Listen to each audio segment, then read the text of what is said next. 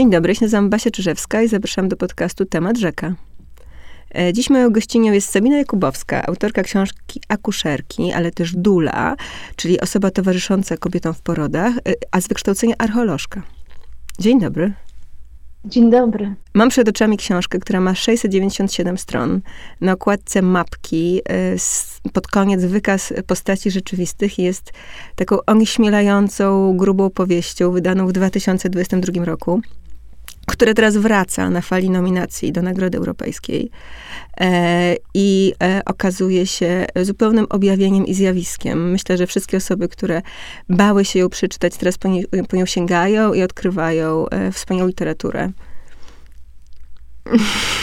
Trudno pani zacząć po takim wstępie. Bardzo mi jest miło, dziękuję za te wszystkie miłe słowa. Ostatnio się dowiedziałam od jednej z czytelniczek, że Podobno ta książka jest grubsza niż mszał, ale czyta się ją zazwyczaj o wiele szybciej niż się przypuszczało, że to się prawda. czyta. Więc to są takie miłe, miłe informacje zwrotne od osób, nie tylko od kobiet, ale też od mężczyzn, którzy sięgnęli po tą książkę. Ja myślałam na początku, że to będzie właśnie głównie dla kobiet. Potem pomyślałam, że dla kobiet i dla odważnych mężczyzn, a teraz w ciągu ostatniego roku dowiedziałam się, że tych odważnych jest całkiem sporo. Mm. Ja bym zaczęła od tego, że to jest bardzo osobista powieść, która e, wyrosła na różnych doświadczeniach pani życia i pani rodziny. Książka zaczyna się w 1885 roku we wsi Jadowniki, w której żyje pani do dziś. E, I jest to historia mm, Franciszki Diabelec, y, młodej kobiety, która rodzi syna. W tej sytuacji pomaga jej matka, Regina, mm, znana we wsi akuszerka. I ten e, bardzo obrazowy opis porodu z całą fizjologią, opisami ciała, e, też komunikacją, relacjami między małżonkami, członkami rodziny, mm, jest taką jest taką soczewką skupiającą y, nasze różne wyobrażenia na temat tego, jak wyglądała rzeczywistość w przeszłości versus to, jak ona wygląda dziś. Um, a cała historia y, dotyczy właśnie rodu akuszerek, bo to jest y, zawód przekazywany z pokolenia na pokolenie i y, właściwie opisu rzeczywistości z, z ich perspektywy, czyli kolejnych rodzących się dzieci w różnych okolicznościach pożarów, wojen, ale też w różnych grupach społecznych, y, różnych dzieci, czasami też śmierci dzieci, czasami też śmierci kobiet. Mm, to y, nie, nie jest jakaś wymyślona historia, y, tylko tak naprawdę doświadczenie zainspirowane zeszytami pani prababki. Na odwrót. To jest całkowicie wymyślona historia, którą Wymarzyłam sobie wiele lat temu. Moi bohaterowie chodzili po mojej głowie. Franciszka Diabelec, Regina Perkowa, ich mężowie, ich dzieci. To są wszystko postaci fikcyjne. Wszystkie one powstały tylko i wyłącznie w mojej głowie, tak jak Pallas Atena w głowie Zeusa i wyskoczyły, wyskoczyły na, nagle Chociaż długo nie pozwalałam im na to, bo pisałam wtedy doktorat i nie chciałam, żeby powieść mnie rozpraszała, bo zależało mi na tym, żeby ukończyć pracę naukową, której poświęciłam również wiele lat życia i która również była o jadownikach, o mojej wsi położonej 60 kilometrów na wschód od Krakowa, o wsi mającej tysiąc lat i mnóstwo ciekawych mikrohistorii, bo na taką wielką historię tysiącletniej wsi składają się dziesiątki tysięcy mikrohistorii poszczególnych ludzi, którzy tam mieszkają. Moi bohaterowie są wymyśleni. A co w tym wszystkim robi zeszyt prababki? Otóż moja prababka Anna Czernecka była akuszerką i żyła, mieszkała w Jadownikach właśnie. Żyła nawet w tym samym miejscu, w którym ja mieszkam. I Anna Czernecka pewnego dnia po prostu będąc taką zwykłą kobietą XIX-wieczną, na wsi, rolniczką, matką, żoną, pojechała kształcić się do Cesarsko-Królewskiej Szkoły Położnych w Krakowie. Tak się to wtedy szumnie mm. nazywało. I przywiozła stamtąd zeszyt, w którym notowała edukację. Wszystko to, czego nauczyli ją mądrzy profesorowie, profesor Henryk Jordan, jego a zastępca profesor Stanisław Dobrowolski i inni ludzie, którzy wtedy tam nauczali. Zeszyt ten jest w naszym domu do dzisiaj. Przeczytałam go wielokrotnie. Wielokrotnie zastanawiałam się nad różnymi jego aspektami i chciałabym podkreślić, że w tym zeszycie naprawdę są tylko i wyłącznie fachowe wskazówki, które te położne dostawały podczas edukacji. Rzeczy związane że... na przykład z dezynfekcją rąk, tak. czy z ustawieniem ciała. Tak jest. Zaczyna się od bardzo szczegółowych informacji o tym, jakie są jednostki miary, wagi, objętości, bo przecież te kobiety, które przyjechały się kształcić, dodam, że Cesarsko-Królewska Szkoła Położnych kontynuowała tradycję szkoły dla akuszerek, która powstała w Krakowie jeszcze pod koniec XVIII wieku i wtedy zwała się ona szkołą babienia, bo na akuszerki, na położne mówiono też baby. W XIX wieku no, była to już szkoła bardzo ambitnie podchodząca do tej edukacji, kiedy młodym paniom uczennicom, bo tak je tytułowano, zapodawano pierwsze informacje dotyczące na przykład kwestii mikrobiologicznej. Mówiono dużo o higienie, mówiono dużo o medykalizacji, w jaki sposób mogą pomagać tym swoim późniejszym podopiecznym te kobiety miały się tego bardzo dokładnie i skrupulatnie nauczyć, więc kwestia jak dbać na przykład o dłonie, o paznokcie, o, o to, żeby były czyste, jak sporządzać roztwory antyseptyczne, one tak pięknie to nazywały płyny antiseptyczne. I te wszystkie metry, centymetry, milimetry. Działanie termometra jest tam wspaniale opisane. Tak jest, działanie termometra, ale też działanie, no na przykład lewatywy, czy mm, rozmaitych innych mm, ówczesnych technik, które miały pomóc kobietom w okresie okołoporodowym, są bardzo skrupulatnie opisane właśnie jako wskazówki. Najbardziej mnie rozczula, w pewnym sensie mm, zaskakuje też, że w tym zeszycie nie ma bardzo dużych instrukcji o samym momencie porodu, kiedy z ciała matki wynurza się dziecko. Tylko tam jest napisane, położna przychodzi do rodzącej, rozgląda się, rozpytuje się, a potem robi wszystko zgodnie ze swoją nauką. Kropka. Mi, się wydaje, że to jest ten moment, mm, bo zdradźmy może taki fragment fabuły, że główna bohaterka Franciszka Diabelec podąża śladami pani prababki, czyli ona w tej, tym Krakowie się znajduje, właśnie idzie do tej szkoły i zaczyna uczyć się teoretycznie mm, właśnie tej ro, roli e, nowoczesnej akuszerki, trochę na mm, kanwie doświadczeń swojej matki, która jest absolutną praktyczką.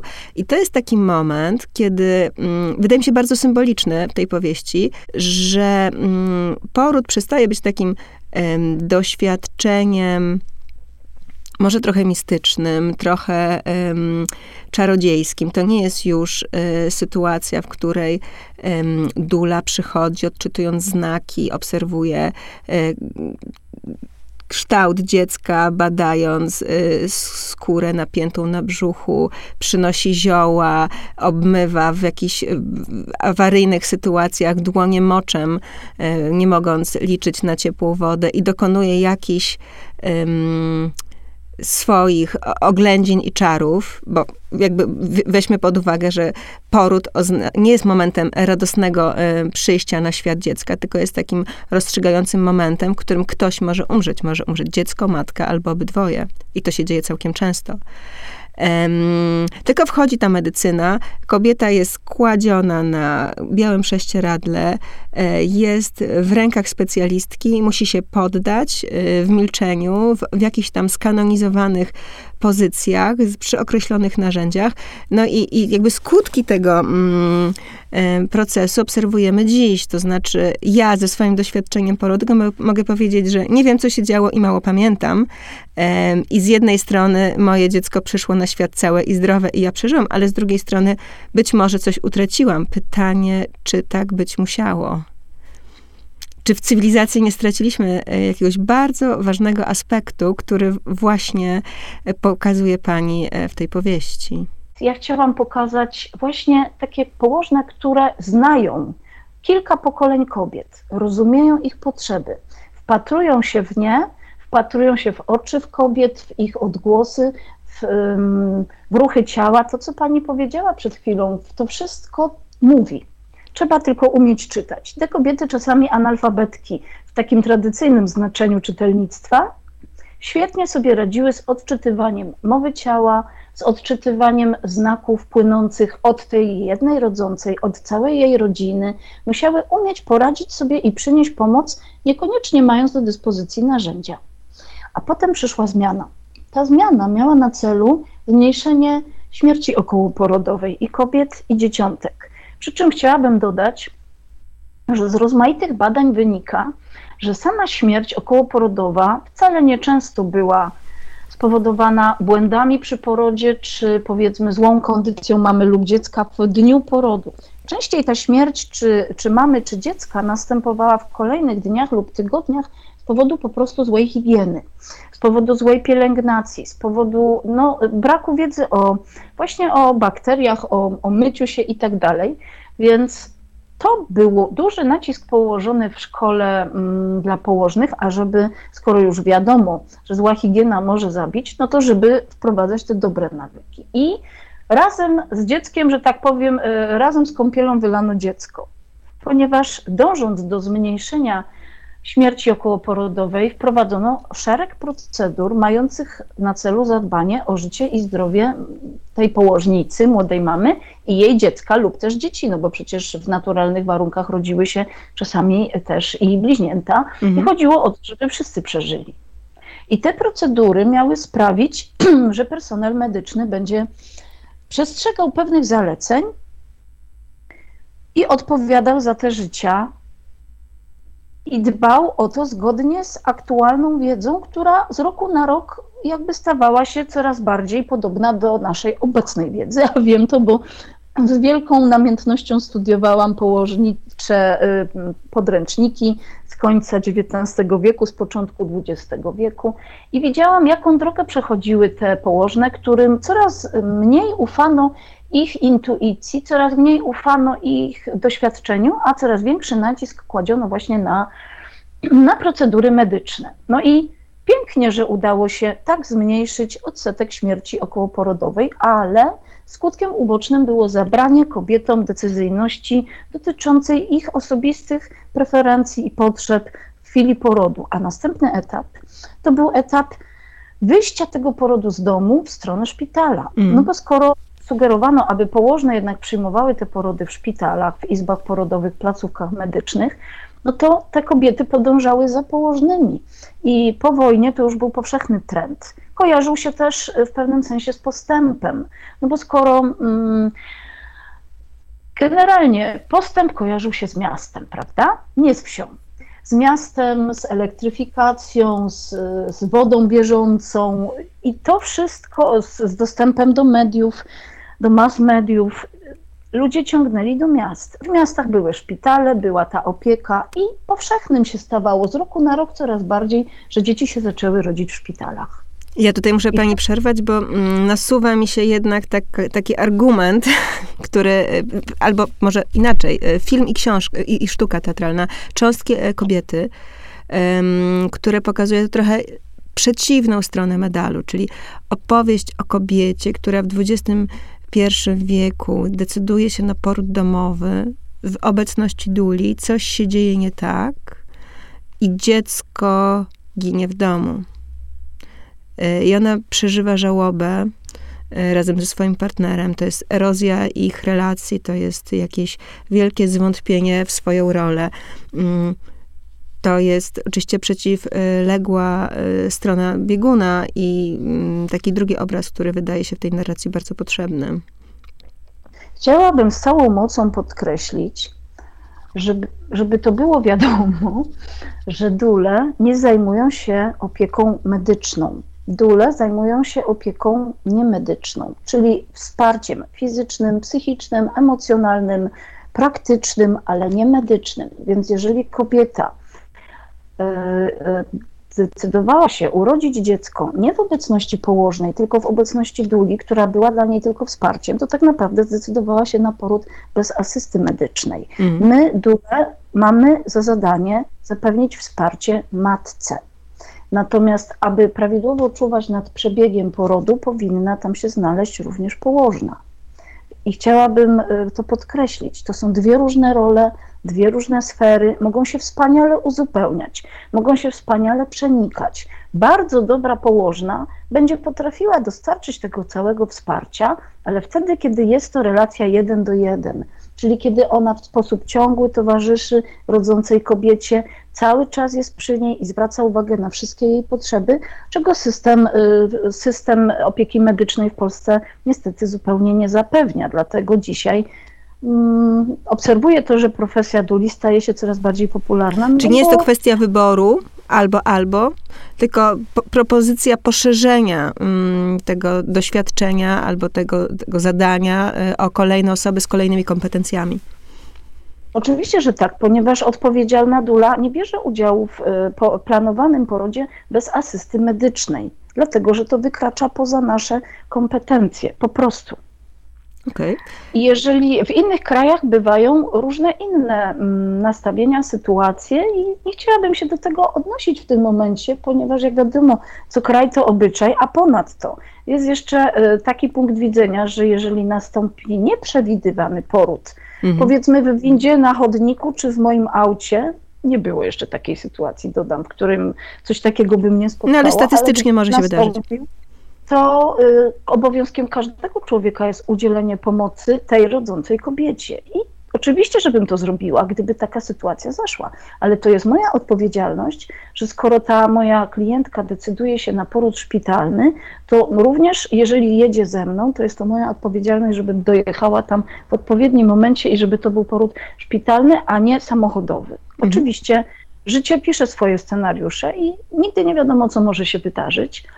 Lecz chciałabym, e, skoro rozmawiamy o tym, żeby to było jasno oddzielone kompetencje duli od kompetencji położnych. Więc jak powiedziano tutaj, że um, do rodzącej przychodziły przychodziły kobiety, które przyjmowały poród, przyjmowały w takich warunkach, jakie były w tych dawnych czasach, XIX, początku XX wieku, czasami nie mając świeżej wody ze studni, nie mając wody ugotowanej czy jakiejkolwiek innej, myły ręce w strumieniu moczu rodzącej, bo to było bakteriologicznie bardziej uzasadnione niż w ogóle nie umycie tych rąk, to wszystko, te czynności, które wykonywały, to były jednak czynności położnych. Nawet jeżeli te kobiety nie były wykształconymi położnymi, nie, nie chodziły nigdzie do szkół, ale to były czynności położnych, ponieważ często to miało związek no, z ingerencją w ciało rodzącej, a my dlatego nie robimy.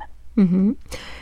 Wracając do powieści, y, żeby odczytywać ją w takim kluczu XX, XXI wieku, mm, co wydaje mi się wspaniałą przygodą, y, ja tam dostrzegam takie wątki. Y, siostrzeństwo, feminizm, kontakt z ciałem. I chciałabym przez nie po kolei z panią przejść.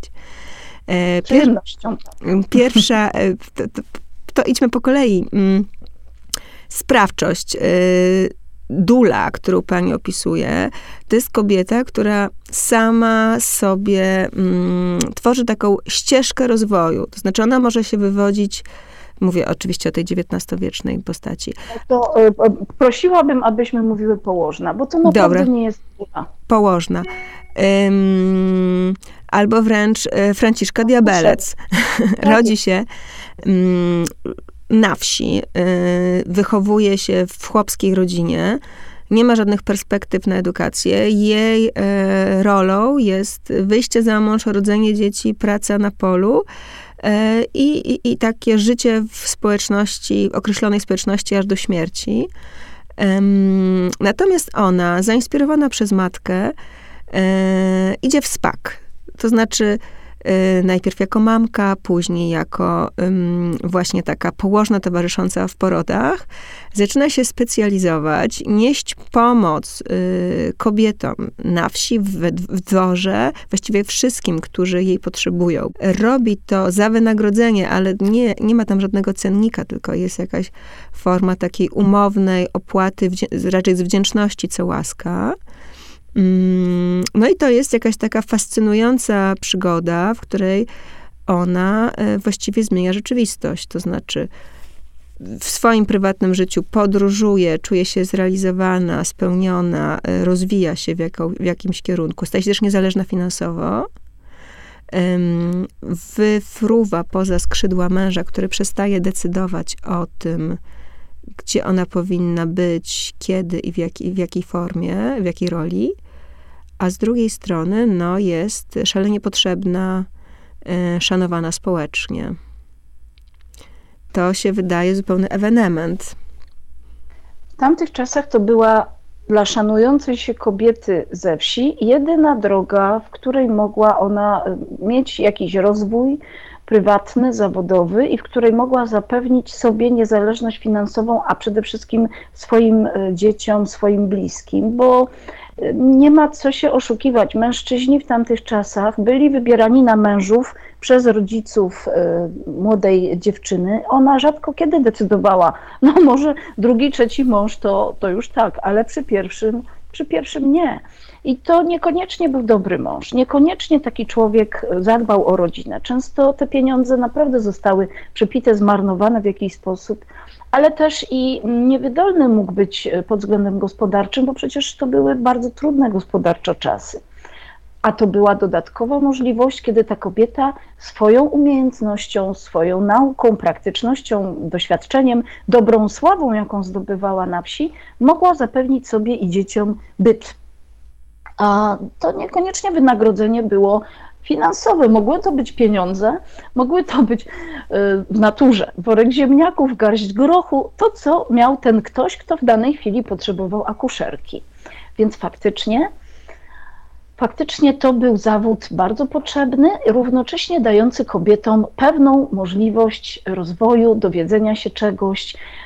A Franciszka Diabelec jest taką bohaterką, która pokazuje zmianę pokoleniową.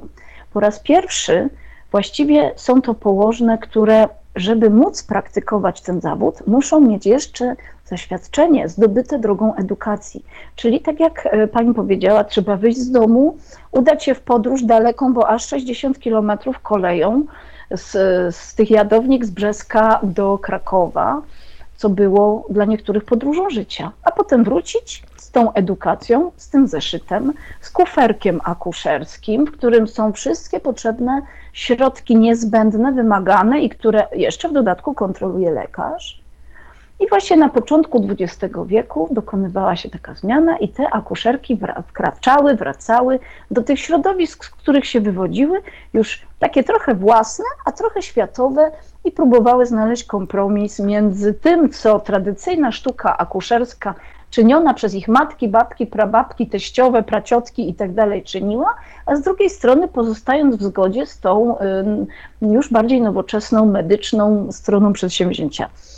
I one dawały przykład kolejnym pokoleniom kobiet, które, tak jak w przypadku mojej powieści, kiedy nie chciałabym tutaj za dużo odsłaniać, jeżeli y, Państwo jeszcze nie czytali, ale córki, siostrzenice, krewne mojej głównej bohaterki, wpatrując się w ten jej rozwój, też pragną czegoś dla siebie. I okazuje się, że wraz z upływem XX wieku już nie tylko profesja położnej, ale może nauczycielki, może urzędniczki. I tutaj kobiety szukają dla siebie nowych Emancypują się. Mhm. Emancypują się i ta, mm, ta profesja położnej, to moim zdaniem to była taka protofeministyczna droga, żeby móc coś osiągnąć w tych warunkach, jakie są. Tam bardzo ważnym aspektem jest siostrzeństwo, bo one są dopuszczane do praktyki, y, jeśli pomagają i um, podglądają. Y, zanim e, Franciszka jedzie do szkoły, pomaga swojej matce. Matka sprawdza trochę tam jest realizmu magicznego, ale ona w pewien sposób jest zweryfikowana, że ma pewnego rodzaju zdolności. Jakimi cechami powinna wykazać się dobra akuszerka? Och, to w szkole położnych dokładnie to określano. Tam jest w książce podany cały spis. Powinna być, powinna być e, moralna przede wszystkim. Nawet doświadczenie od proboszcza. Żadna z nich nie jest, to od razu powiedzmy. W praktyce jest inaczej. Pytanie, czym, czym była moralność w tamtych tak. czasach? Nie krzywdzenie innych ludzi, prawda? Pozostawanie mhm. w, zgodzie z jakimś przyjętym na wsi ogólnie sposobem e, dobrego postępowania. A to niekoniecznie był jakiś zewnętrzny, narzucony dekalog, tylko to, co ludzie od wieków praktykowali. Co żyj dobrze, pomagaj innym, a wtedy oni do ciebie również przyjdą i ci pomogą. Siostrzeństwo polegało na tym, że kobiety się musiały jakoś wspierać, żeby przetrwać w świecie, w którym decyzyjni byli mężczyźni. I moja bohaterka, mm, Franciszka Diabelec, podobnie jak moja prawdziwa prababka Anna Czernecka, one się gdzieś tego uczyły. Zazwyczaj taka droga dotyczyła kobiet, które już urodziły, żeby ta empatia była podbudowana własnym doświadczeniem, bo to jest naprawdę dobry sposób móc wyobrazić sobie, co przeżywa ta druga kobieta w danym momencie. Nie jest niezbędny, bo znam doskonałe położne, znam też dule, które są świetne w swoim fachu, a nie są matkami. Empatia nie wymaga tego doświadczenia, ale doświadczenie może pomóc w empatii. Więc tutaj ta cecha była niezwykle ważna, żeby umieć sobie wyobrazić, co czuje, co potrzebuje i co przeżywa ta kobieta, która w danej chwili jest w ciąży, rodzi to dziecko. Jeżeli ktoś już to przeszedł, to będzie umiał prędzej y, pewne rzeczy zobaczyć w oczach w potrzebach tej drugiej osoby. I to jest ten no kontakt właśnie... z ciałem, który mi się wydaje y, zupełnie unikalny i, i właśnie to jest chyba ta wiedza tajemna, że one potrafią czytać ciało. One tam pewnymi um, spojrzeniami oceniają sytuację, i na przykład są w stanie podjąć decyzję, że dziecko, które ma taki, a nie inny kolor ciała, e, skóry i taki, nie inny kształt główki, e, nie przeżyje i że należy e, zrobić chrzest, no bo to jest jakiś element kulturowy, żeby pożegnać się z tym dzieckiem i skupić na matce, która w tym momencie wymaga wsparcia i uwagi. Z całą pewnością znawstwa było bardzo dużo, no bo jeżeli mówimy o tysiącach porodów, to każdy z nich był kolejnym doświadczeniem, a przecież to nie były tylko porody, bo przecież było to też tracenie tych dzieci, tracenie noworodków, tracenie dzieci e, na etapie ciąży, tracenie e, kilkumiesięcznych czy kilkuletnich i te kobiety, akuszerki wiedziały, że narodziny i śmierć idą ze sobą w parze i one były pokorne wobec tych zjawisk życia. To nie znaczy, że się nie starały, bo starały się bardzo, ale miały poczucie, że tak naprawdę oprócz ich umiejętności, talentów, to jeszcze trzeba mieć taką wiarę i zaufanie do tej rodzącej, że ona da radę.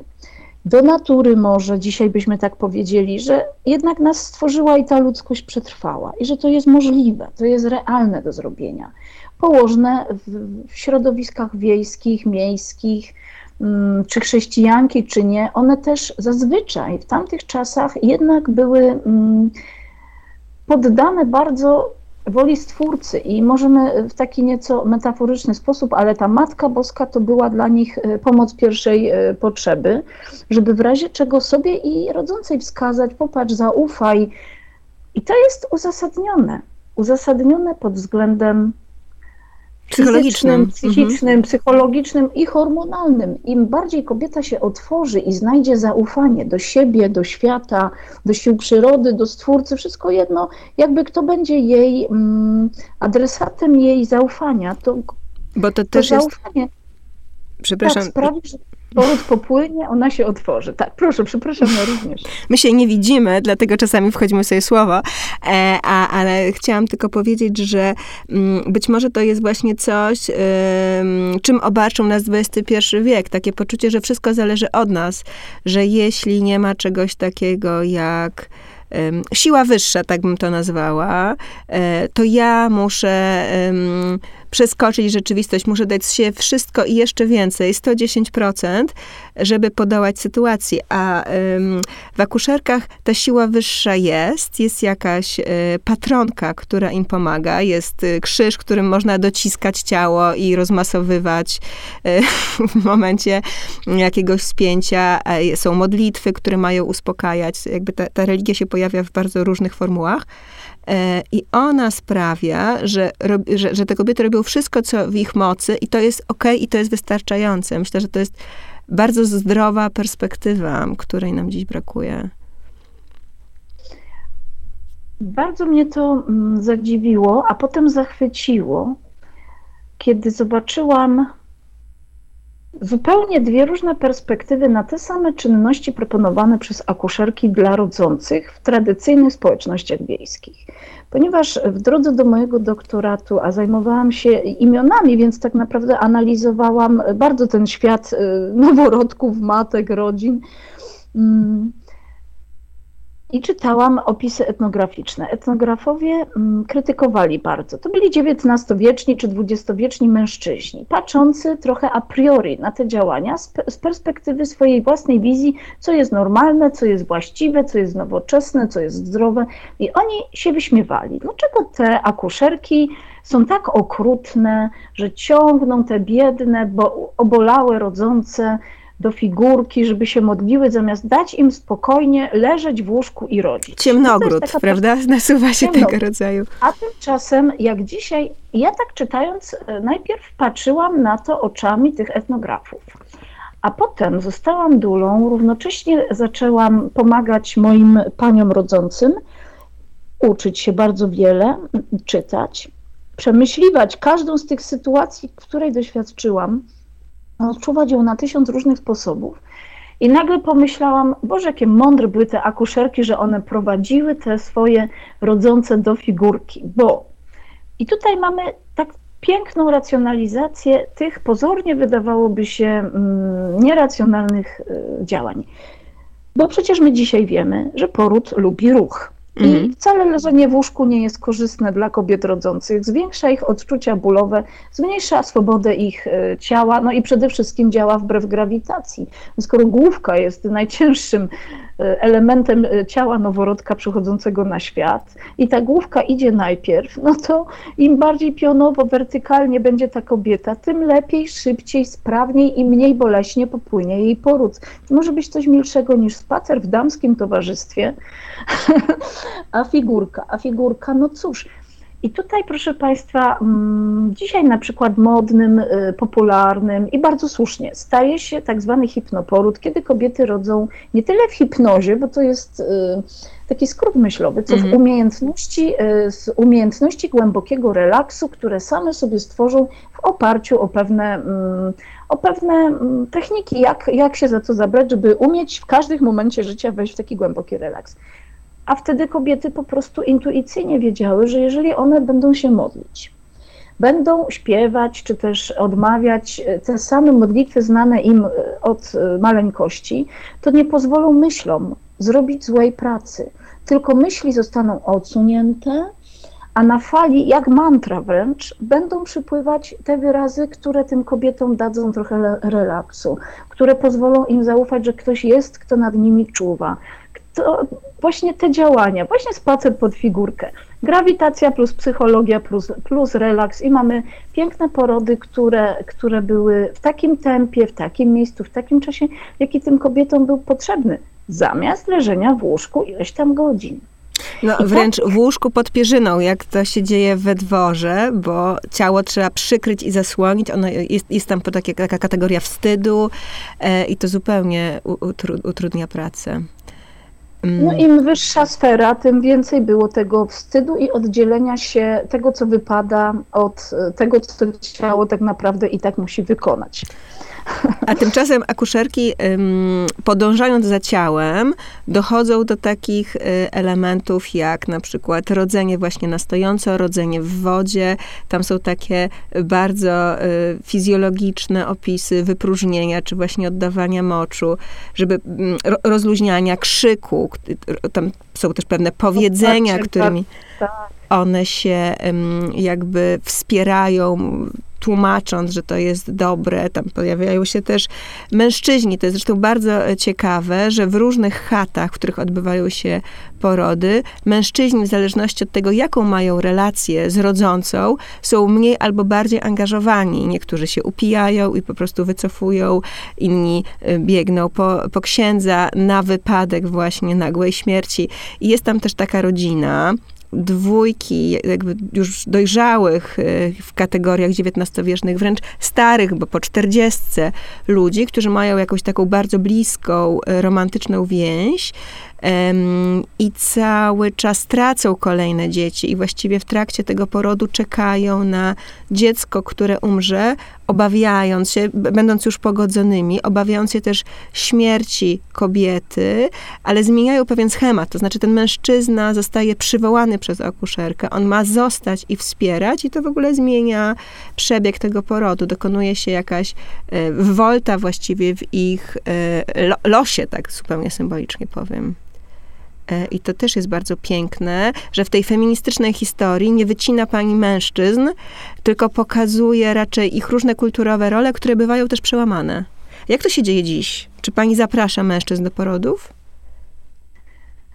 Ja podążam za potrzebami kobiety. Jeżeli ona ma partnera i chce go tam ze sobą, to moim zadaniem jest nauczyć takiego mężczyznę wszystkiego, co sama umiem i stosuję jako praktyk, żeby ten mężczyzna nie czuł się bezradny na sali porodowej albo jeszcze w domu, e, czy w drodze do, do szpitala, a może mi się kiedyś trafi i uczestniczenie w porodzie domowym, bo jeszcze mi się nie trafiło.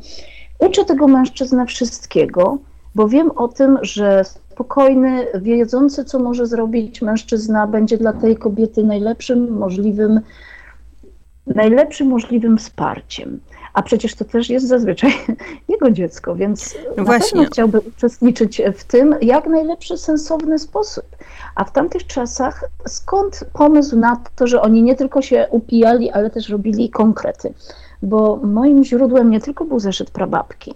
Ja po prostu bardzo lubię chodzić y, po wsi i zapraszać się do starszych osób na rozmowy, prosić ich o wspomnienia i często, no dobrze, może nie są to osoby pamiętające XIX wiek, ale to są często osoby pamiętające jeszcze bardzo dobrze czasy przedwojenne. Urodzone w latach Ostatnio... 20. i 30.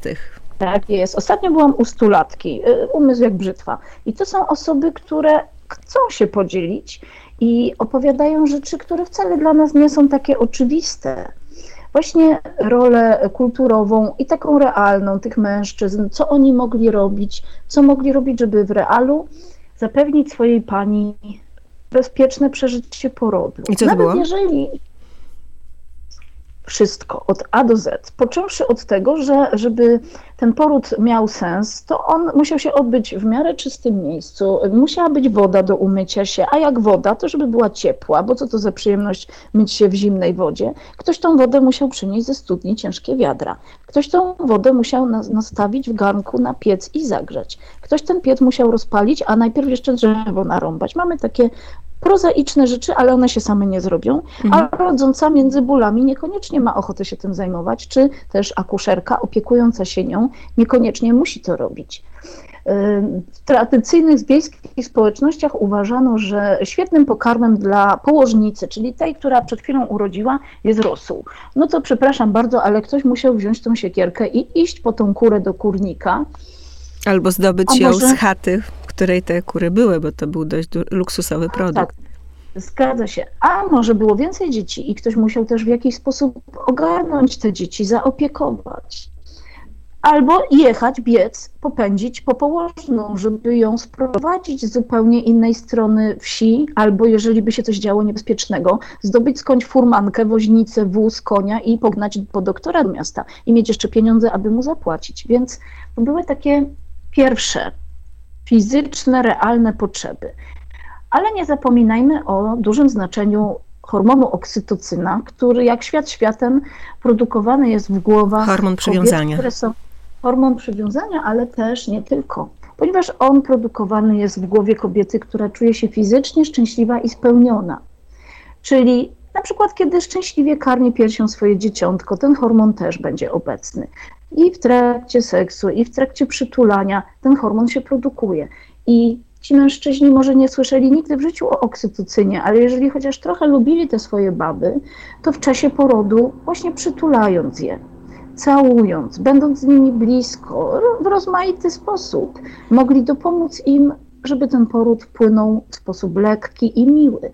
I tradycyjne mądrości, które również y, były przekazywane z pokolenia na pokolenie i etnografowie opisywali je z bardzo zbulwersowani. Tradycyjne mądrości mówiły, że mm, jakie to straszne, że te akuszerki zachęcają e, w ogóle do mm, działalności seksualnej w trakcie porodu, jakie to niemoralne, nieładne, brzydkie, brudne, fuj. A tymczasem dziś wiemy, że przeciwnie no chyba nie ma nic bardziej skutecznego, co mogłoby pomóc dziecku szybko i gładko przyjść na świat, niż bliskość między rodzącą a wybraną przez nią bliską osobą, jej partnerem. Również w takim fizycznym wydaniu. Właśnie jak najbardziej w fizycznym wydaniu. Są takie mm, tradycyjne mądrości, znów opisane przez etnografów z zadziwieniem, że jeżeli rodziła dziewczyna, mhm. niezamężna i ciężki byłby ten poród dla niej. A jak mógł być lekki, skoro tak naprawdę ona się bała?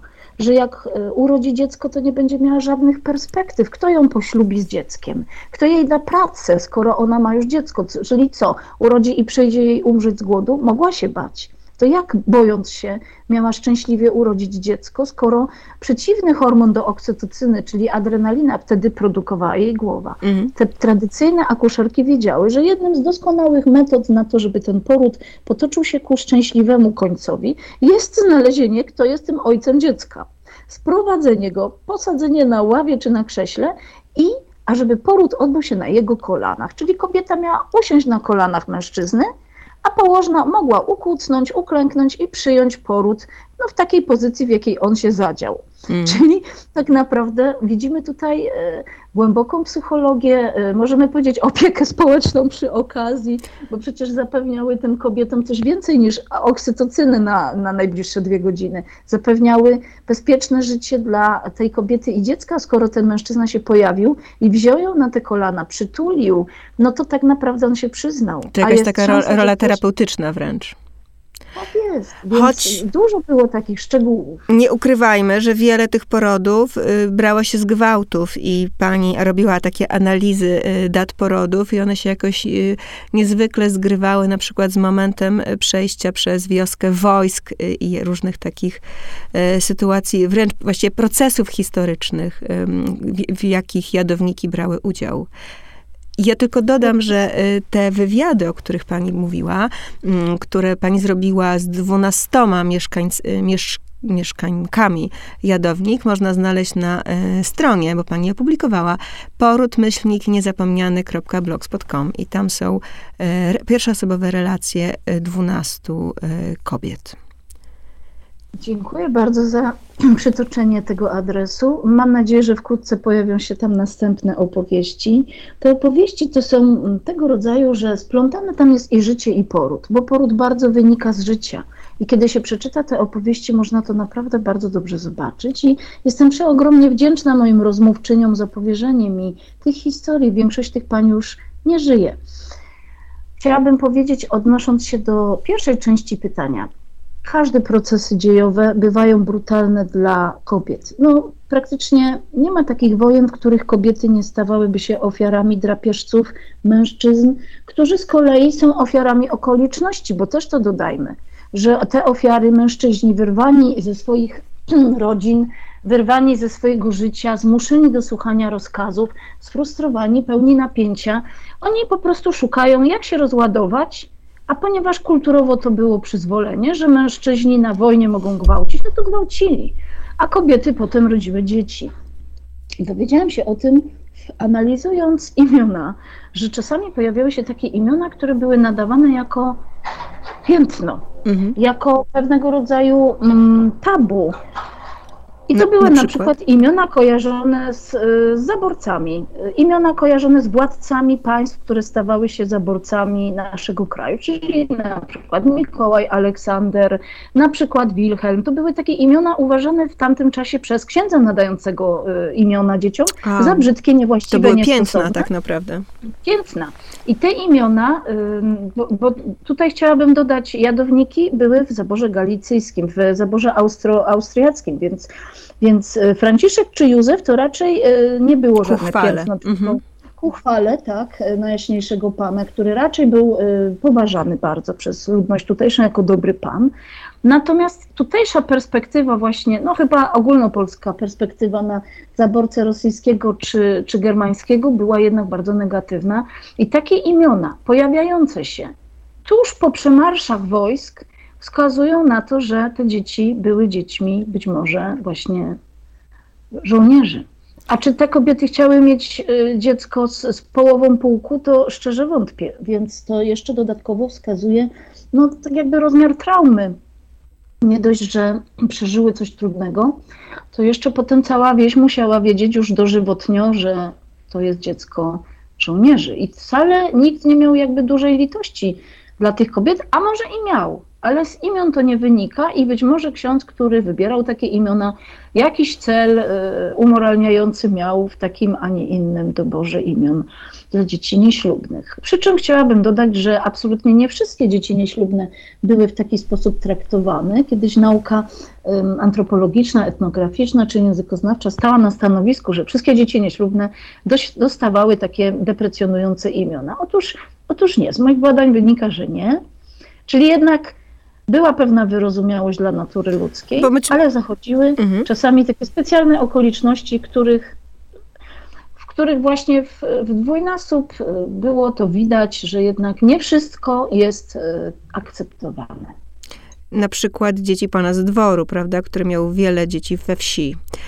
Ale teraz chciałabym przeskoczyć właśnie do tematu dzieci, bo dopłynęłyśmy do bardzo ciekawego wątku, jak przez 100 e, lat 130 przeewoluował stosunek do potomstwa. Czytam wczoraj badania e, i teksty w Gazecie Wyborczej na temat tego, że 65% kobiet w Polsce dziś deklaruje, że nie chce mieć dzieci i że to przestaje być ich rola społeczna, wybór e, czy poczucie spełnienia. Oczywiście jest mnóstwo e, ekonomicznych przesłanek mówiących o tym, że ta rola jest bardzo trudna, bo często spada na nie e, jednostkowo, jakby rodzina w kryzysie, małżeństwa rozpadające się po mm, dłuższych czy krótszych okresach czasu, ale to też bardzo dużo mówi o tym, czym jest dziecko. To znaczy dziecko dziecko jest ogromnym zobowiązaniem, wyzwaniem, misją. Jest taka ogromna presja nałożona na rodziców, zwłaszcza matki, mm, żeby dały dziecku wykształcenie, szczęście, możliwości rozwoju. To, co pani opisuje w jadownikach, jest jakby wręcz odwrotne. Dzieci należy mieć, bo dzieci są gospodarczym zapleczem rodziców. To one przejmują pracę w gospodarstwie, to one dbają o starsze pokolenie. One powinny się rodzić, bo one napędzają system. E, I w związku z tym śmierć się opłakuje, ale też ona jest tak powszechna, że z dziećmi, że dzieci dopiero po pewnym czasie są traktowani jako partnerzy czy członkowie rodziny, a później stają, mają wiele zobowiązań dla społeczności. W tamtych czasach było takie powiedzenie, które pokutuje do dzisiaj, że dzieci i ryby głosu nie mają. Więc ono rzeczywiście opisuje pewien stan, że dopiero człowiek dorosły jest właśnie kimś, kto może się wypowiadać w obecności innych dorosłych. Dzieci wtedy nie. Ale po prawdzie, jakże odwrotny był stosunek ilości dzieci przypadających na, na rodzica czy na jednego dorosłego niż dzisiaj.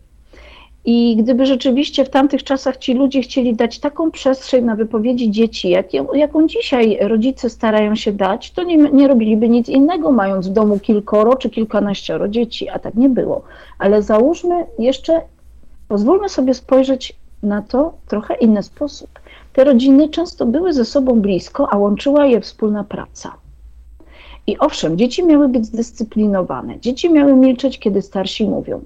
Dzieci miały się uczyć nie tylko w szkole, ale przede wszystkim miały się uczyć pracy, umiejętności praktycznych, ale uczyły się tego nie przez teorię, tylko w praktyce, przez podejmowanie prób pod okiem dorosłych i robiły to od najmłodszych lat. I te rodziny łączyła tak naprawdę wspólna praca. Możemy nie patrzeć na to tylko jako na taki wyidealizowany sielankowy moment, że rodzina idzie, nie wiem, ma wspólne sianokosy czy wykopki ziemniaczane i oni sobie tam rozmawiają, śmieją się i pracują, bo na pewno były też momenty trudne, momenty złej pogody, momenty, w którym ludzie się śpieszyli, denerwowali i wcale nie byli dla siebie mili. Ale nie słuchali nie... się, nie respektowali swoich ról, czy wywierali presję.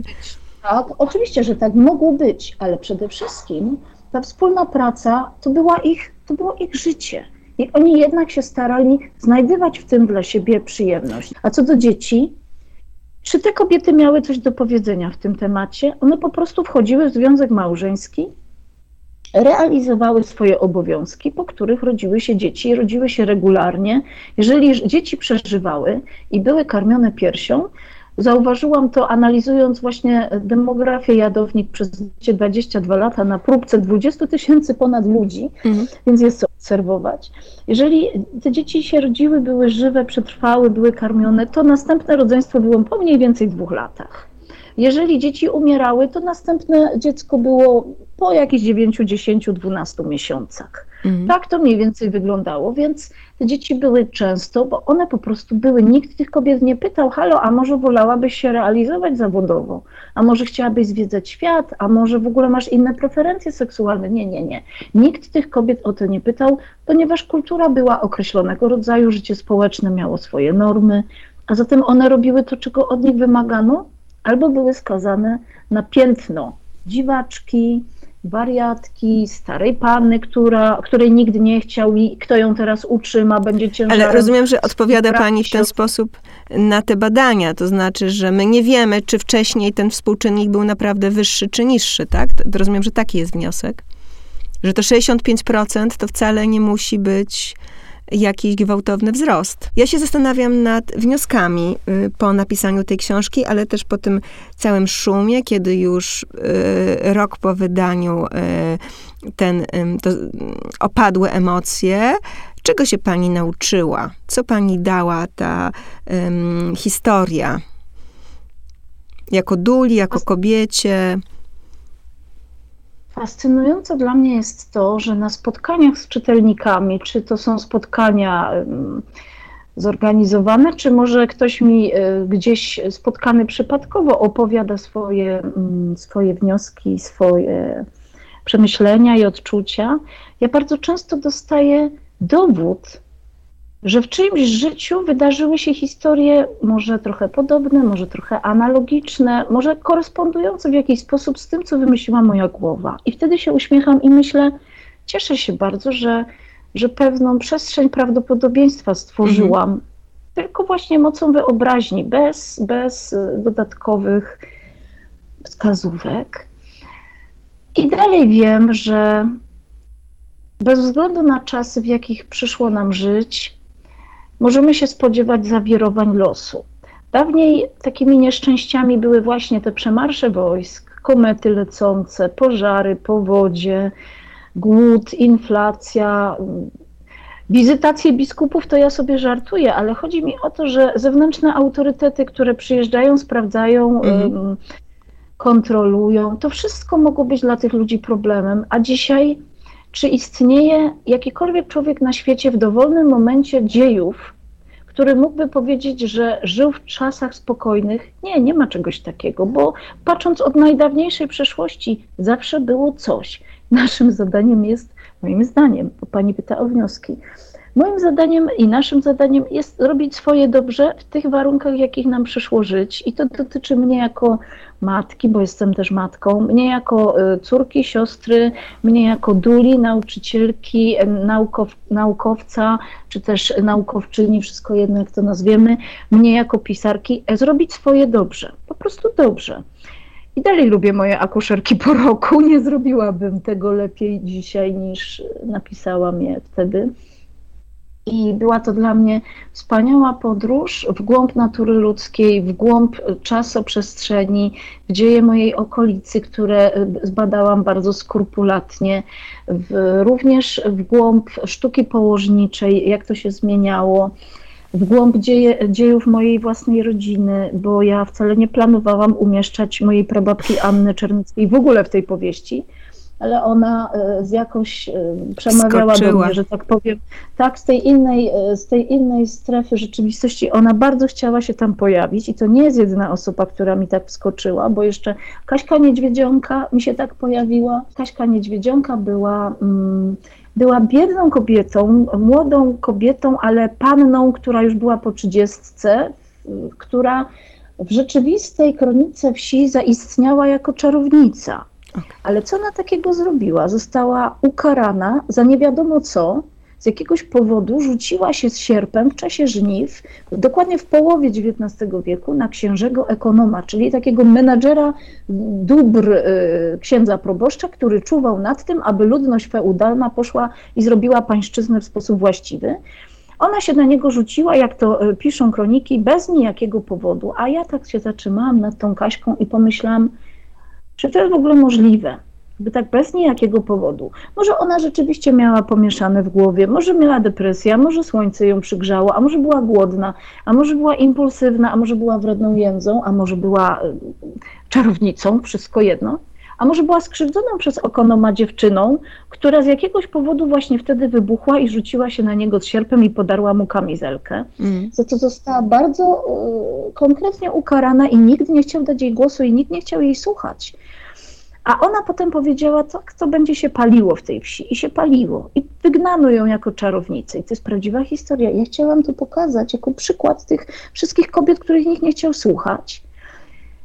I w pewnym sensie to nawiązuje też do tego pytania, o które pani pytała wcześniej, że ta porodówka, żelazna porodówka po II wojnie światowej, to jest właśnie taka historia kobiet, których nikt nie chciał słuchać, nikt nie chciał pozwolić im pokazać ich preferencji, ich potrzeb, ich głosu, ich indywidualności.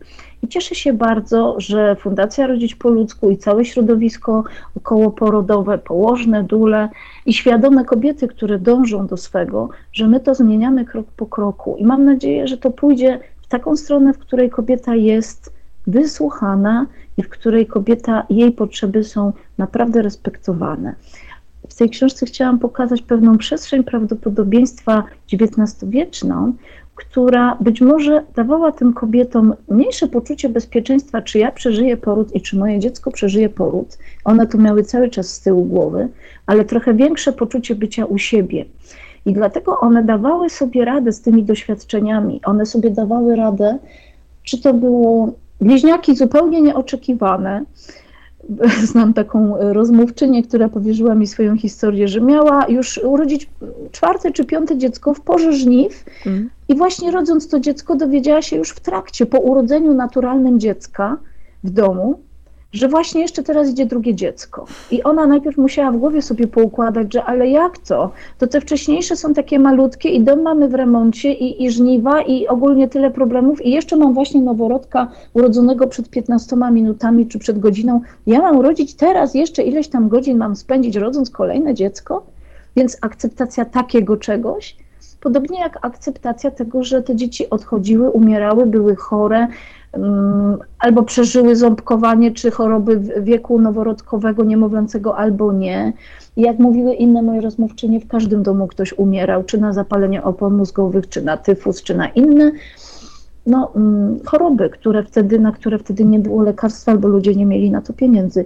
Te kobiety radziły sobie, mając tą pokorę i mając pewną akceptację, dlatego, że były u siebie i jednak znajdowały wsparcie bez oceniania, bardzo często, bo ta przestrzeń wyobraźnia empatyczna akuszerek, sąsiadek, krewnych, jednak je wspierała w tym doświadczeniu, a nawet i społeczności religijnej, bo przecież te wszystkie obrzędy religijne, chrzest tuż po narodzeniu, czy, mm, czy te inne smutne okoliczności, jakimi były pogrzeb, stypy, te wspólne różańce, modlitwy, Celem tego wszystkiego było oczywiście spełnienie obowiązków religijnych wobec y, duszy tego bliźniego, mhm. ale tak naprawdę pod spodem albo na wierzchu była jeszcze potrzeba okazania wsparcia tej rodzinie, która była dotknięta przez takie, a nie inne wydarzenie. Ale to wszystko jest tak... o pokorze, prawda? Ta rola duli, e, ta, ten porządek świata, poddawanie się losowi, przyrodzie, naturze, godzenie się na te śluby i, i jednak trwanie i szukanie swojej drogi. To jest po, pod pokorze, ale nie spolegliwości, bo one też mają jakieś tam momenty walki o siebie właśnie na przykład. No Regina Perkowa cała jest jedną tak. wielką kontestacją, także myślę, że jeżeli kobiety przeżyły, to jest to, to, jest to nieszczęsne powiedzenie. Ja, ja nie mówię, że my się mamy nim kierować w życiu. Bo ja bym chciała, żeby, żebyśmy my jako y, naród, teraz będzie, teraz będzie tak y, uroczyście, chciałabym, Dobrze. my naród, żebyśmy, żebyśmy mogli nauczyć się, że możemy też żyć trochę lżej, trochę przyjemniej, trochę szczęśliwiej i wybierać takie rzeczy, które będą nas niosły ku takim drogom i, i w takim celu. Ale jednakże my, naród, jak do tej pory wyprodukowaliśmy takie powiedzenie, co cię nie zabije, co cię wzmocni. I to jest częścią takiego naszego przekazu które płynie może nie e, w krwiobiegu, ale ono płynie między pokoleniami, jest przekazywane i te kobiety wiedziały, że tak naprawdę każde trudne doświadczenie będzie zarazem, może się stać czymś, co je wzmocni. I nawet kiedy wieś w jakiś sposób potępi jakąś ich aktywność, powiedzmy wskaże je jako osoby niemoralne, skrytykuje, nie wiem, upokorzy albo będzie kontrolować, to gdzieś w tym wszystkim po konfrontacji wychodzi się silniejszym. Te kobiety to wiedziały. I te stare kobiety, te stare, które były babkami, a zatem ta wcześniejsza nazwa akuszerki babki, one były babkami tych e, rodzących, były matkami chrzestnymi często ich dzieci. Te, te babki, one wiedziały, że tak naprawdę one są w stanie wszystko. Mhm. Mogą wszystko i mogą zaryzykować, aby pomóc. Bardzo dziękuję. Ja również dziękuję bardzo.